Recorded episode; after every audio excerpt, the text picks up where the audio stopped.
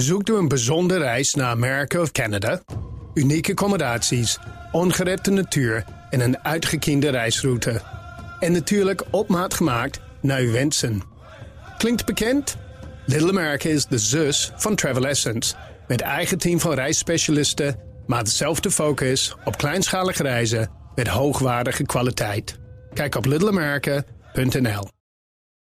Hi, voor je gaat luisteren, heel even dit. Ik ben Jesse Pinster en ik maak de podcast Europa Mania samen met Han-Dirk Hekking van het Financiële Dagblad. Een podcast over de Europese Unie van BNR en het FD. En misschien vind je die ook wel leuk. Ga hem vooral luisteren. Je kan Europa Mania vinden op de BNR-website en natuurlijk op alle bekende podcastplatforms.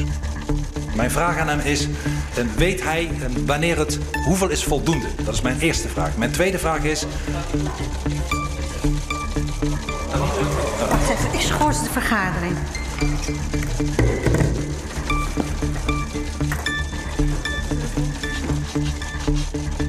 Uit de.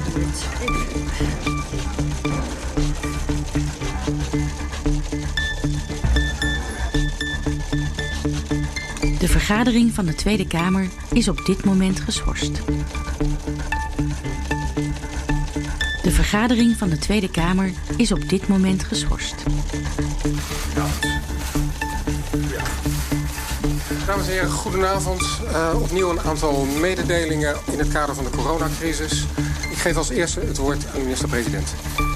Goedenavond uh, allemaal. En uh, zoals u inmiddels hebt vernomen uh, is helaas Bruno Bruins per direct afgetreden als minister voor Medische Zorg en Sport. Um, dat heeft te maken met oververmoeidheid, uh, maar ook in combinatie met de noodzaak om vanwege die oververmoeidheid direct uh, rust te nemen. Maar ook de onzekerheid over hoe lang dat herstel dan uh, gaat duren. Sophie, heb je een kabeltje van de IRIC wat naar een normale USB gaat? Van micro-USB naar gewone USB? Uh, ja, dat weet ik dus even niet of die heb hier. Even kijken. Ik heb ook ontzettend veel kabeltjes. maar ik doe het altijd via mijn mobiel, weet je wel. Dus, uh, ja, dat gaat niet met deze site. Maar ik, ga, ben, ik ben het even aan het checken. Op zich vind ik trouwens voor een laptopmicrofoon dat het heel erg goed klinkt. Ja, maar het is toch schel. Dus ik weet niet. Uiteindelijk, ja, klopt. Uiteindelijk is dat vermoeiend om naar te luisteren, denk ik. We zijn wel radiomakers, hè? Dus. Uh... Ah, nou, het zegt. Wat trouwens de beste actie was ja. deze week... is dat ik een bureaustoel ben gaan halen bij BNR. Ja. Oh, er wordt toch weer een man bij gehaald. Ja, precies. Zo, ja, sorry, zo gaat het bij ons altijd. Ja hoor. Eerst technische dienst. Hey, misschien moeten we Pieter Bas dan ook nog even introduceren. Hè? Dat dit Pieter Bas is.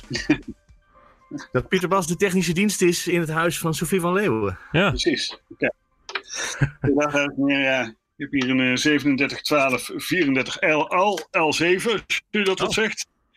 Ja. Ja, daar kun je natuurlijk, die, die werkt altijd wat beter dan die 3422. Dus eh, nou, nu met de 3710 komt het wel goed hoor, denk ik. Zo, nu ben ik. Hallo. Ja. Nou, ik geef jullie door aan eh, de vrouw van de zender. Aan onze sterverslaggever. Precies. Eh, nou, daar is ze. In pyjama en wel. Nee, In pyjama?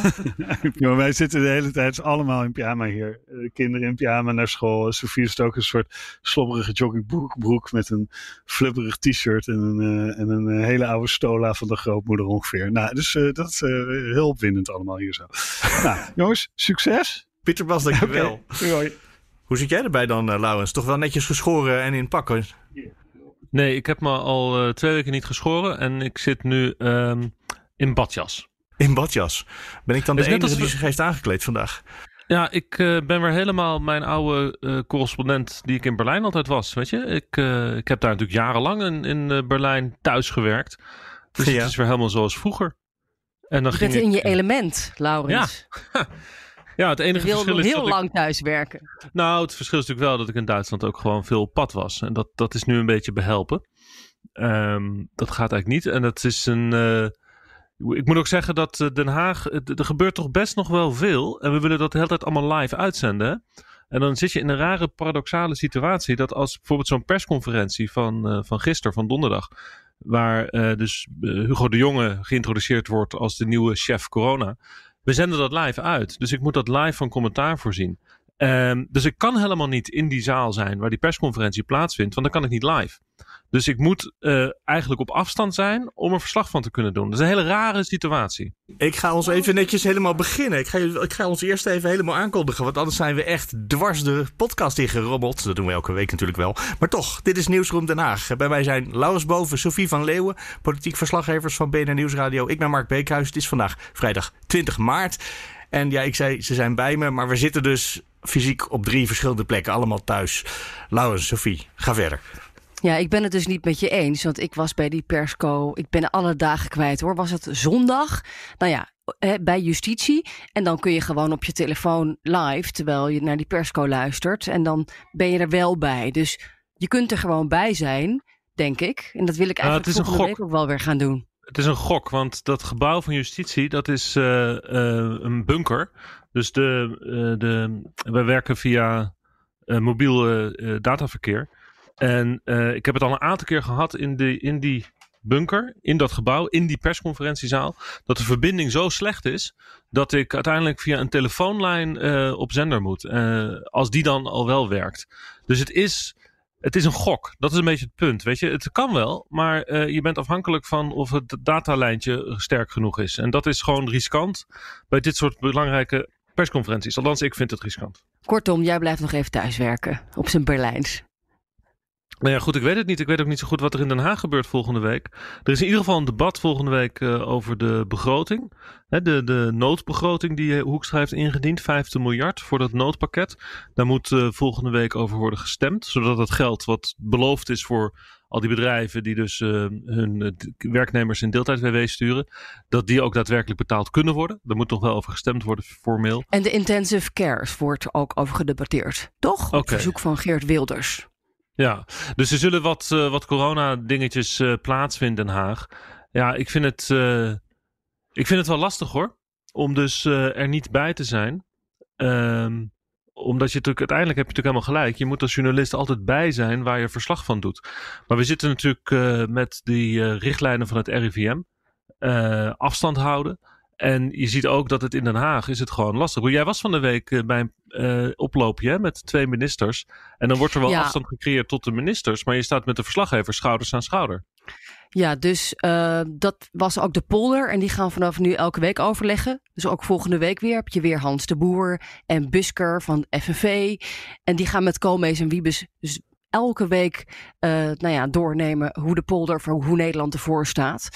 Uh, er was een koordje gespannen. Dat is normaal gesproken alleen uh, bij de ministerraad op vrijdag. Maar nu was er ook in het ministerie van Sociale Zaken een, een, een touwtje gelegd. Uh, om ons dan op anderhalf meter van uh, Wiebes en Koolmees en zo te houden.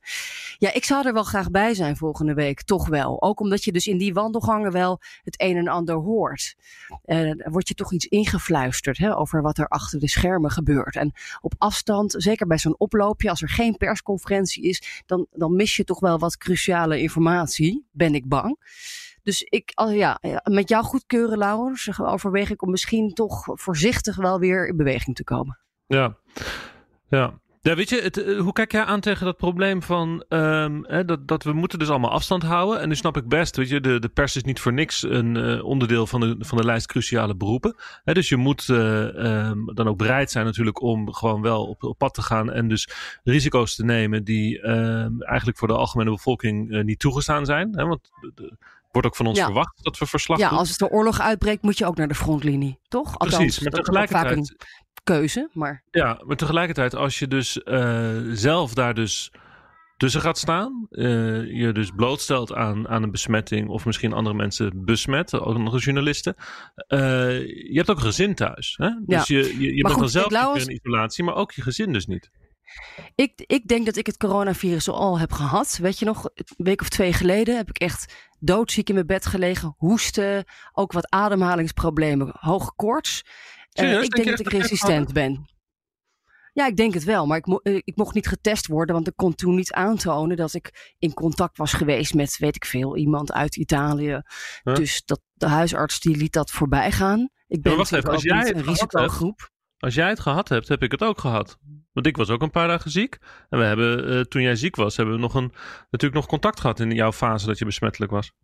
Ik heb toen wel afstand gehouden van jou op de redactie met dat hoesten. Ik heb geprobeerd toen jou niet te besmetten. Ik Ja. weet het niet of jij het gehad hebt, maar ik denk dat ik resistent ben. Ja, moeten we toch eens testen.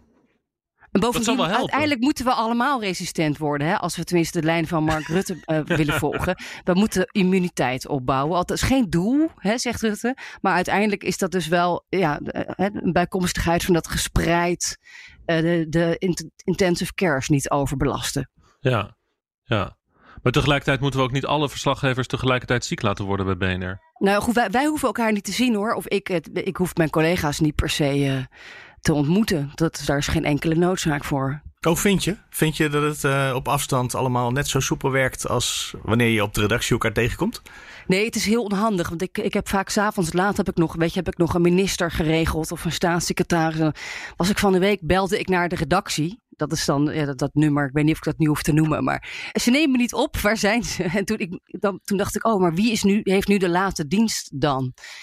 Ehm, Wie is de eindredacteur die ik nu zoek? de eindredacteur. En zo gaat het ook natuurlijk met die woordvoerders en die ministers. En iedereen zit op afstand van elkaar te werken. Dus het is wel een beetje eh, omslachtig. Maar ehm, uiteindelijk eh, komen we er wel. Ik vind wel dat het op zender eigenlijk fantastisch klinkt. eh, als ik dat van, van onze eigen zender mag zeggen. Eh, want we hebben natuurlijk de situatie dat eigenlijk iedereen thuis werkt.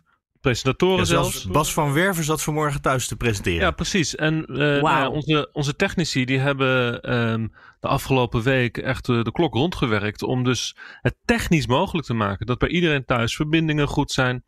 Dat de juiste software geïnstalleerd is. Dat de juiste apparatuur overal is.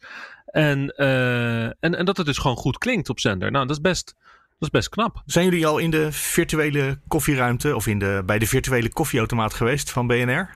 Nee, bestaat die? Ja, we schijnen, ja, ik ben er zelf ook nog niet gaan kijken. Dus, eh, maar als je toe bent aan een praatje, wat je dus normaal bij de koffieautomaat hebt natuurlijk, als je met collega's in een eh, ruimte zit. Maar goed, ja, en verder, hè, de- we krijgen een toespraak van de koning vandaag. Dus de man met de baard. Laurens, ga je die nog volgen of niet? Ik ben nu in een van die appgroepen eh, aan het discussiëren met eh, onze redactiechef of we hem live uitzenden. En ehm, dat gaan we geloof ik doen. Dus eh, ja, daar zullen we verslag van doen. Het is wel bijzonder, hè? Dat, eh, dit kan me ook niet herinneren dat het staatshoofd, verlos van zijn eh, kersttoespraak, een, eh, een toespraak heeft gehouden.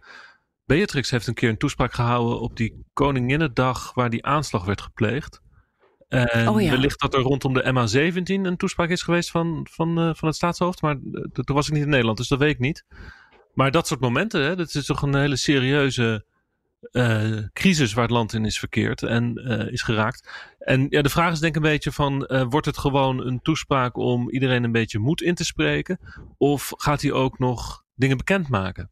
Hè, dat kan natuurlijk ook nog. Hij is gewoon Wat zou de koning bekend kunnen maken? Want die, eh, de, de, de dagelijkse praktijk, nieuwe regels gaan toch via de regering in principe? Dat klopt. Ja, ik denk ook dat hij dat bij Rutte laat. Ja, en bij de jongen. Ja, ja. Nou ja, goed. Ja, hij is natuurlijk lid van de regering. En we zitten in een unieke situatie. Dus eh, kijk, als er bijvoorbeeld een, eh, een, een algemeen uitgaansverbod komt in Nederland. ehm, ik weet niet, dat is natuurlijk wel van een dermate serieuze orde dat het zou kunnen dat dat bij de koning is om dat bekend te maken. Maar tegelijkertijd hebben jullie helemaal gelijk dat het uiteindelijk natuurlijk is aan de politieke leiding van Nederland. En dat zijn de premier en eh, Hugo de Jonge tegenwoordig als minister van Volksgezondheid. Nou, ik heb het idee dat dit, ja, dit, dit een heel, heel interessante hè, politieke gamechanger aan het worden is. Je hebt natuurlijk, eh, het kabinet was uitgeregeerd, hè, riepen wij een paar weken geleden in deze podcast. Eh, het was klaar, er, er gebeurde niks meer. Nou, VVD heeft natuurlijk ook veel schandaaltjes eh, achter de rug. En nu staat daar, nou ja, sowieso Mark Rutte met die eh, historische toespraak. We hebben sinds gisteren hebben we Hugo de Jonge, die het gezicht gaat worden van de coronacrisis. Want hè, VVD'er Bruno Bruins is, is weg, oververmoeid. Dus ook, denk ik, een interessante kans voor Hugo de Jonge om zich eh, te profileren. Om, het, om te laten zien of hij nou echt een, eh, een potentiële leider is. Ja, het net als- CDA of hè, misschien een nieuwe premier. Want dat, dat ambiëren ze ook natuurlijk bij het Ja. CDA. Kijk, net als met die eh, groepsimmuniteit, die niet het doel was. hè, dat heeft Rutte hersteld, zal ook natuurlijk de politieke profilering van Hugo de Jonge niet het doel zijn van Hugo de Jonge. Het is wel een bijeffect. Daar heb je helemaal gelijk in. Hè? Dat hij Dat is een zich kans die hij grijpt. Ik denk Nou ja, het wel. kijk, ja. Ja, maar goed. Met beide handen. Ja, uiteraard. Maar hij is natuurlijk gewoon minister van Volksgezondheid. Dus hij doet dat vanuit die rol. Maar je hebt helemaal gelijk dat hij door die rol te hebben. heel erg bekend, heel erg zichtbaar gaat worden. En dat het wel voor hem het moment is om te laten zien. dat hij het kan. Hè? Als hij het kan. Dat, dat hij En, dus en wat denk je? zien- Denk je dat hij het, eh, dat hij het kan, Laurens? Ehm, kijk, het is wel een heel ander soort politicus dan, dan eh, Bruno Bruins. Bruno Bruins, ze even met elkaar vergelijkt. Bruno Bruins was natuurlijk een, is vooral een manager. Die achter de schermen, daar wordt hij ook om geroemd. Ook gewoon door Vriend en Feit in Den Haag wel wordt hij wel geroemd. Omdat hij achter de schermen zich dossiers eigen maakt. Maar hij is wel een man geweest die niet zoveel politiek gevoel had. Hè? Die opmerking over die, die, een, een ziekenhuis is ook gewoon een stapel bakstenen. Dat is natuurlijk zo eh, kil uiteindelijk en zo zakelijk en managementachtig dat het niet meer dat je geen connectie maakt met de, met de bevolking. Ja. Voor je draagvlak. Nou, en daar is Hugo de Jonge natuurlijk juist de meester in. Hij is natuurlijk een, een hij is helemaal gericht op eh, politiek leiderschap, op die rol van die kandidaat-premier. Ik wil nu eh, Hugo de Jonge het woord geven over de verdere besluitvorming in de MCCB van vanmiddag. Dankjewel. Maar laat ik beginnen met het terugtreden van Bruno. Want eh, met de beelden van gisteravond nog op het netvlies... en met de schrik nog in het lijf... hoorde ik vandaag dat Bruno zou terugtreden. We hebben elkaar gebeld en elkaar gezegd dat het ongelooflijk verdrietig is... ongelooflijk balen is, maar voor nu het enige juiste besluit om te nemen. Gezondheid eerst, altijd. Bruno heeft in de afgelopen maanden alles gegeven om de Nederland door de crisis te leiden. Alles gegeven wat in zijn vermogen lag. Alles gedaan wat daarvoor nodig was. En namens iedereen in Nederland, en ik denk in het bijzonder namens al die hardwerkende collega's op het ministerie van Volksgezondheid, voor wie dit ook een grote schok is, zeg ik hen daarvoor grote dank. Afgelopen tijd is er heel veel aandacht geweest voor de bescherming van ouderen. En Dat zit helemaal in zijn, in zijn, in zijn tenen om dus met, met, met, met de pers en uiteindelijk ook met de bevolking een hele goede band op te bouwen. Ja. En in die zin denk ik dat hij dat beter zal doen dan eh, Bruno Bruins dat kon. En daarmee kan die natuurlijk ook eh, Wopke Hoekstra, die ook een rol heeft natuurlijk hè, als minister van Financiën in deze crisis. Maar hij kan Hoekstra passeren, want de jongen is natuurlijk veel jovialer. Hè, zoals wij hem zien ook eh, bij de pers. Hij, is, hij presenteert zich als eh, die man uit Rotterdam-Zuid. Echt in elke bijzin refereert hij aan zijn eigen volkse achtergrond. Dus eh, ja, ik, ik denk dat, die, dat hij ook voor het CDA die man van het volk kan zijn. En dat is precies iets wat Wopke Hoekstra natuurlijk eigenlijk niet kan. Dat is een corporale jongen uit, uit het gooi. Ja, dat klopt. Ik wil hier even een eh, frag- fragmentje van de persconferentie van donderdagavond eh, tussendoor gooien. Dat was het moment dat bekend werd gemaakt dat eh, minister Bruins afgetreden was en dat de jongen die taken over zou nemen. En in die persconferentie werd door, ik weet eigenlijk niet eens door wie, maar door iemand gevraagd, een van de collega's, een van de journalisten. wat nou de politieke aspecten waren van, al die, van, van die wijziging. Dat er een VVD'er tijdelijk werd vervangen door een CDA, wat ongebruikelijk is. En daar reageerde Mark Rutte, de premier, eigenlijk wel geprikkeld op. Misschien wel geërgerd.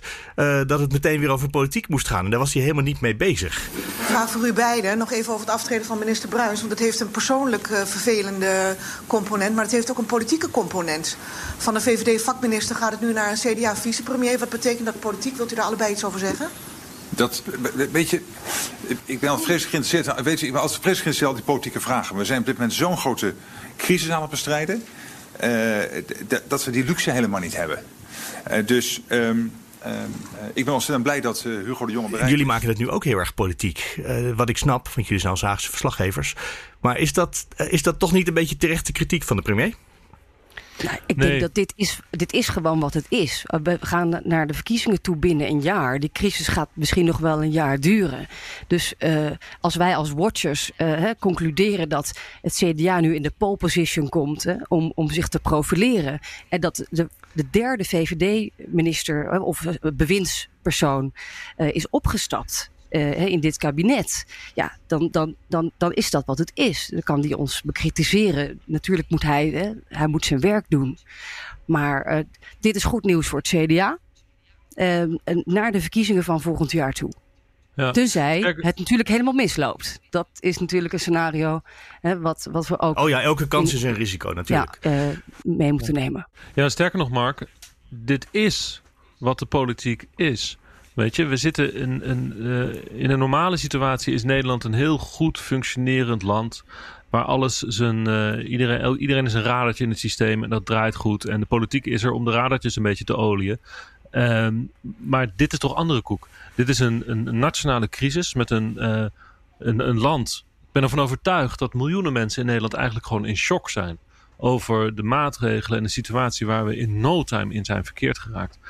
En dan komt het aan op politiek leiderschap. Het is de kern van waar het om draait in, in de politiek. Dat de, dat de, de volksvertegenwoordiging, de gedemocratisch gekozen mensen die namens de Nederlandse bevolking beleid maken, een, een, een, het, de bevolking kunnen overtuigen en de steun weten te houden voor hun beleid. Nou, en als je even kijkt naar die toespraak van afgelopen maandagavond van de premier, uh, die televisietoespraak, daar ging het eerlijk gezegd op een heel cruciaal punt gewoon mis. Namelijk dat punt over die groepsimmuniteit. Hij begon daarover, maar hij is er in Nederland en internationaal vreselijk mee om de oren geslagen. En hij heeft het moeten terugnemen in het Kamerdebat op, uh, op woensdag. Dat hij daar in feite een misverstand heeft gecreëerd. Ja, sorry hoor. Als je de politiek leider bent van een land op zo'n cruciaal moment, in zo'n cruciale toespraak, dan kan het niet gebeuren dat er een misverstand ontstaat over wat je zegt. En dat heeft niks te maken, of althans deels te maken met uh, zeg maar de inhoud van de zaak. Maar dat heeft nog veel meer te maken met uh, je, je politieke gevoel van hoe je dingen moet verwoorden op zo'n manier dat mensen je begrijpen en dat er steun is voor wat je doet. En zodat uh, er geen discussie ontstaat over je woorden zelf. Ja, en dat zeggen we dus trouwens vandaag, Laurens, één jaar precies een jaar nadat de VVD, Rutte, de verkiezingen heeft verloren. Van Forum voor Democratie. Dat is een jaar is dat een jaar geleden? Uh, ja, Sophie? provinciale staatsverkiezingen.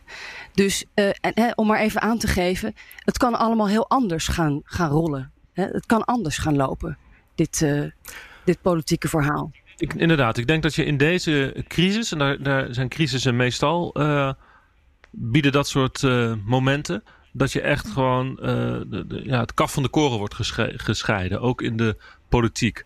He, wie overtuigt, wie overtuigt niet. En wie kan het en wie kan het niet.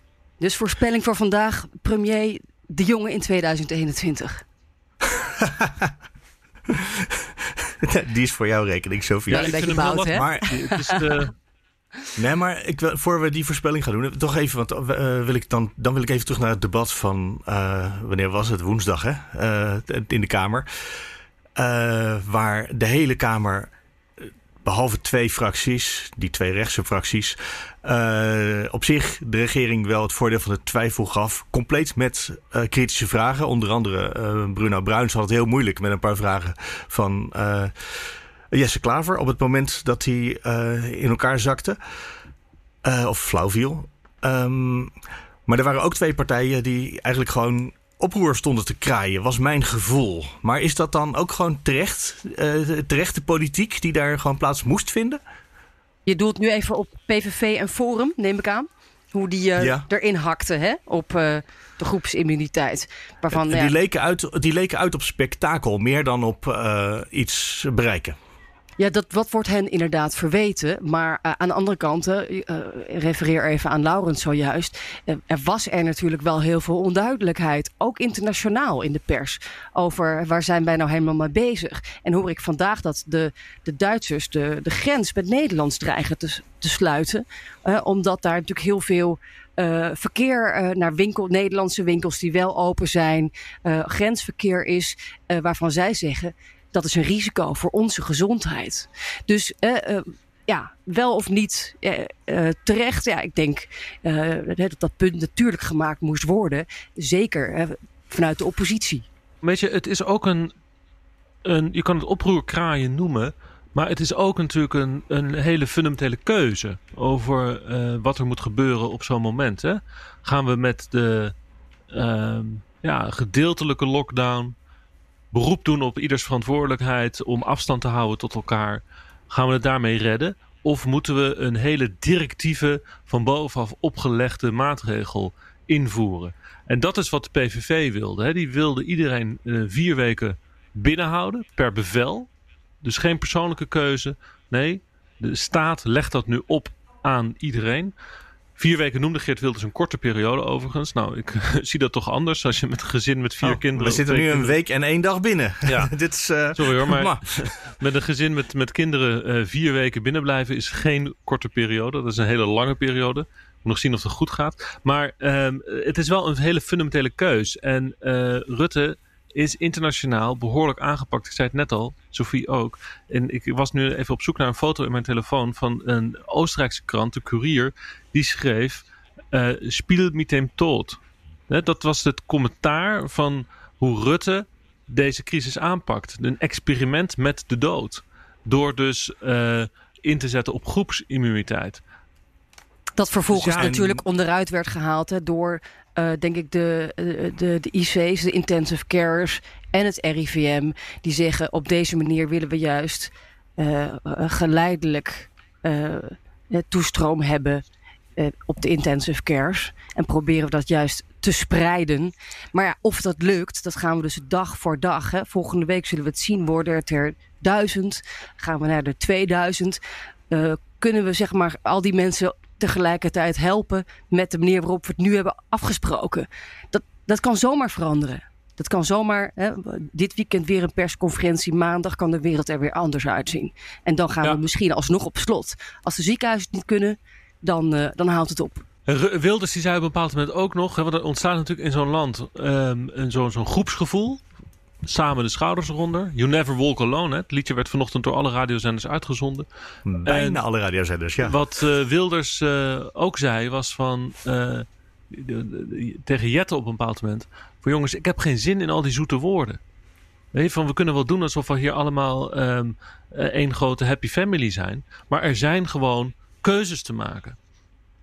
Dus in al de brutaliteit en, en hardheid van de argumentatie van Wilders en Baudet, vond ik het op zich voor het debat ook helemaal niet verkeerd dat dat gebeurde. Om dus te laten zien dat ook op zo'n moment als dit er nog steeds politieke keuzes kunnen worden gemaakt over hoe je bepaalde dingen aanpakt. Ja, dan komen we weer, weer terug bij, bij de jongen. En dan wordt het interessant, spannend om te zien hoe hij dit gaat oppakken de komende weken.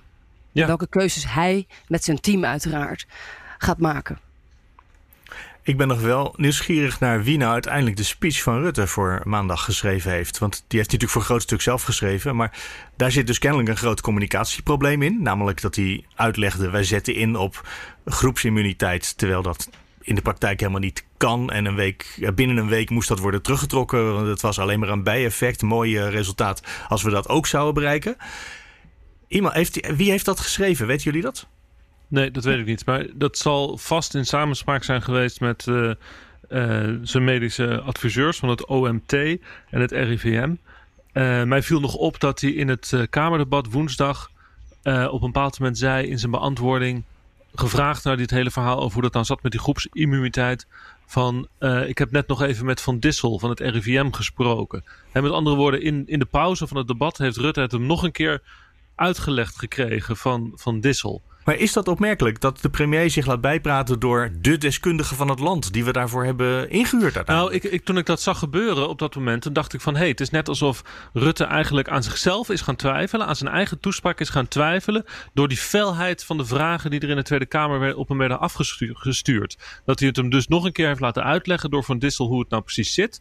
En iets later in het debat uh, zei hij dus zelf, erkende hij zelf dat hij een misverstand heeft gecreëerd.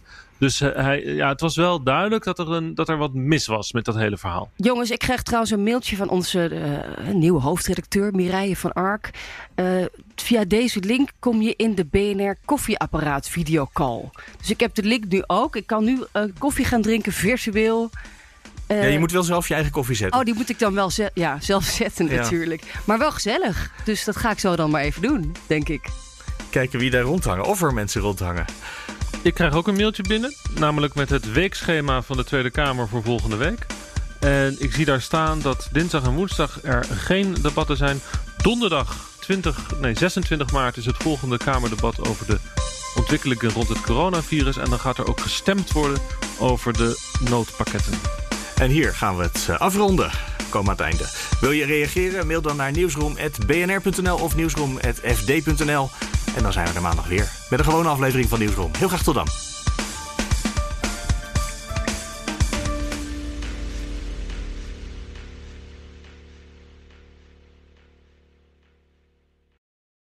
Zoekt u een bijzondere reis naar Amerika of Canada?